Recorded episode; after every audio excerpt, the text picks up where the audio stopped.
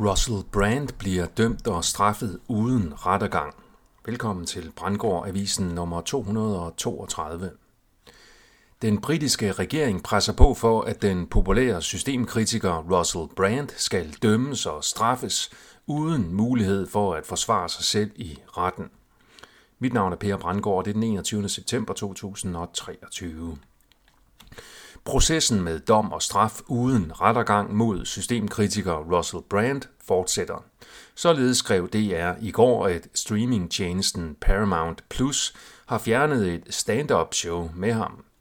Fire kvinder påstår, at de for over 10 år siden blev udsat for seksuelle overgreb af Russell Brand. Lone Nørgaard har skrevet en anmeldelse af Marianne Stidsens nye bog, som hedder, og jeg citerer, med lov skal land nedbrydes, samtykkeloven og dens kollektive justitsmor. Citat slut. Bogen er udkommet på forlaget Hovedland den 18. september. Anmeldelsen er udgivet i Newspeak og den korte avis. Bogen afdækker, hvordan samtykkeloven er skruet sammen på en måde, så den kriminaliserer almindelig seksuel adfærd og kategoriserer den som psykopatisk voldsudøvelse. Bogen beskriver 10 konkrete cases med drenge og mænd, der blev uskyldigt fængslet og dømt for voldtægt. Lone Nørgaards anmeldelse indeholder flere tankevækkende citater fra bogen. Russell Brand-sagen illustrerer, at det ikke er nødvendigt at fængsle og dømme en mand via det almindelige politi og retsvæsen for at ødelægge ham. Det er tilstrækkeligt med offentlig omtale af sagen, hvor presseomtalen går ud fra, at kvinderne taler sandt, hvorved pressen reelt fungerer som dommer.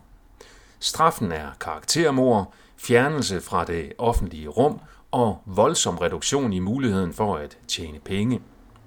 Det censurkritiske medie Reclaim the Net har afsløret, at den britiske regering har presset videotjenesten Rumble til at fjerne Russell Brand fra platformen. Det har Rumble dog afvist, da Rumble er baseret på et idégrundlag om ytringsfrihed. Russell Brand har mere end 1,4 millioner følgere på Rumble. Reclaim the Net har udgivet brevet fra den britiske regerings Culture, Media and Sport Committee. Og det er voldsomt at læse, hvordan et regeringsorgan presser på for, at en voldtægtsanklaget mand skal straffes, før han har fået lov til at forsvare sig i retten. Det underbygger teorien om, at det er en orkestreret operation med karaktermor via falsk offerkort.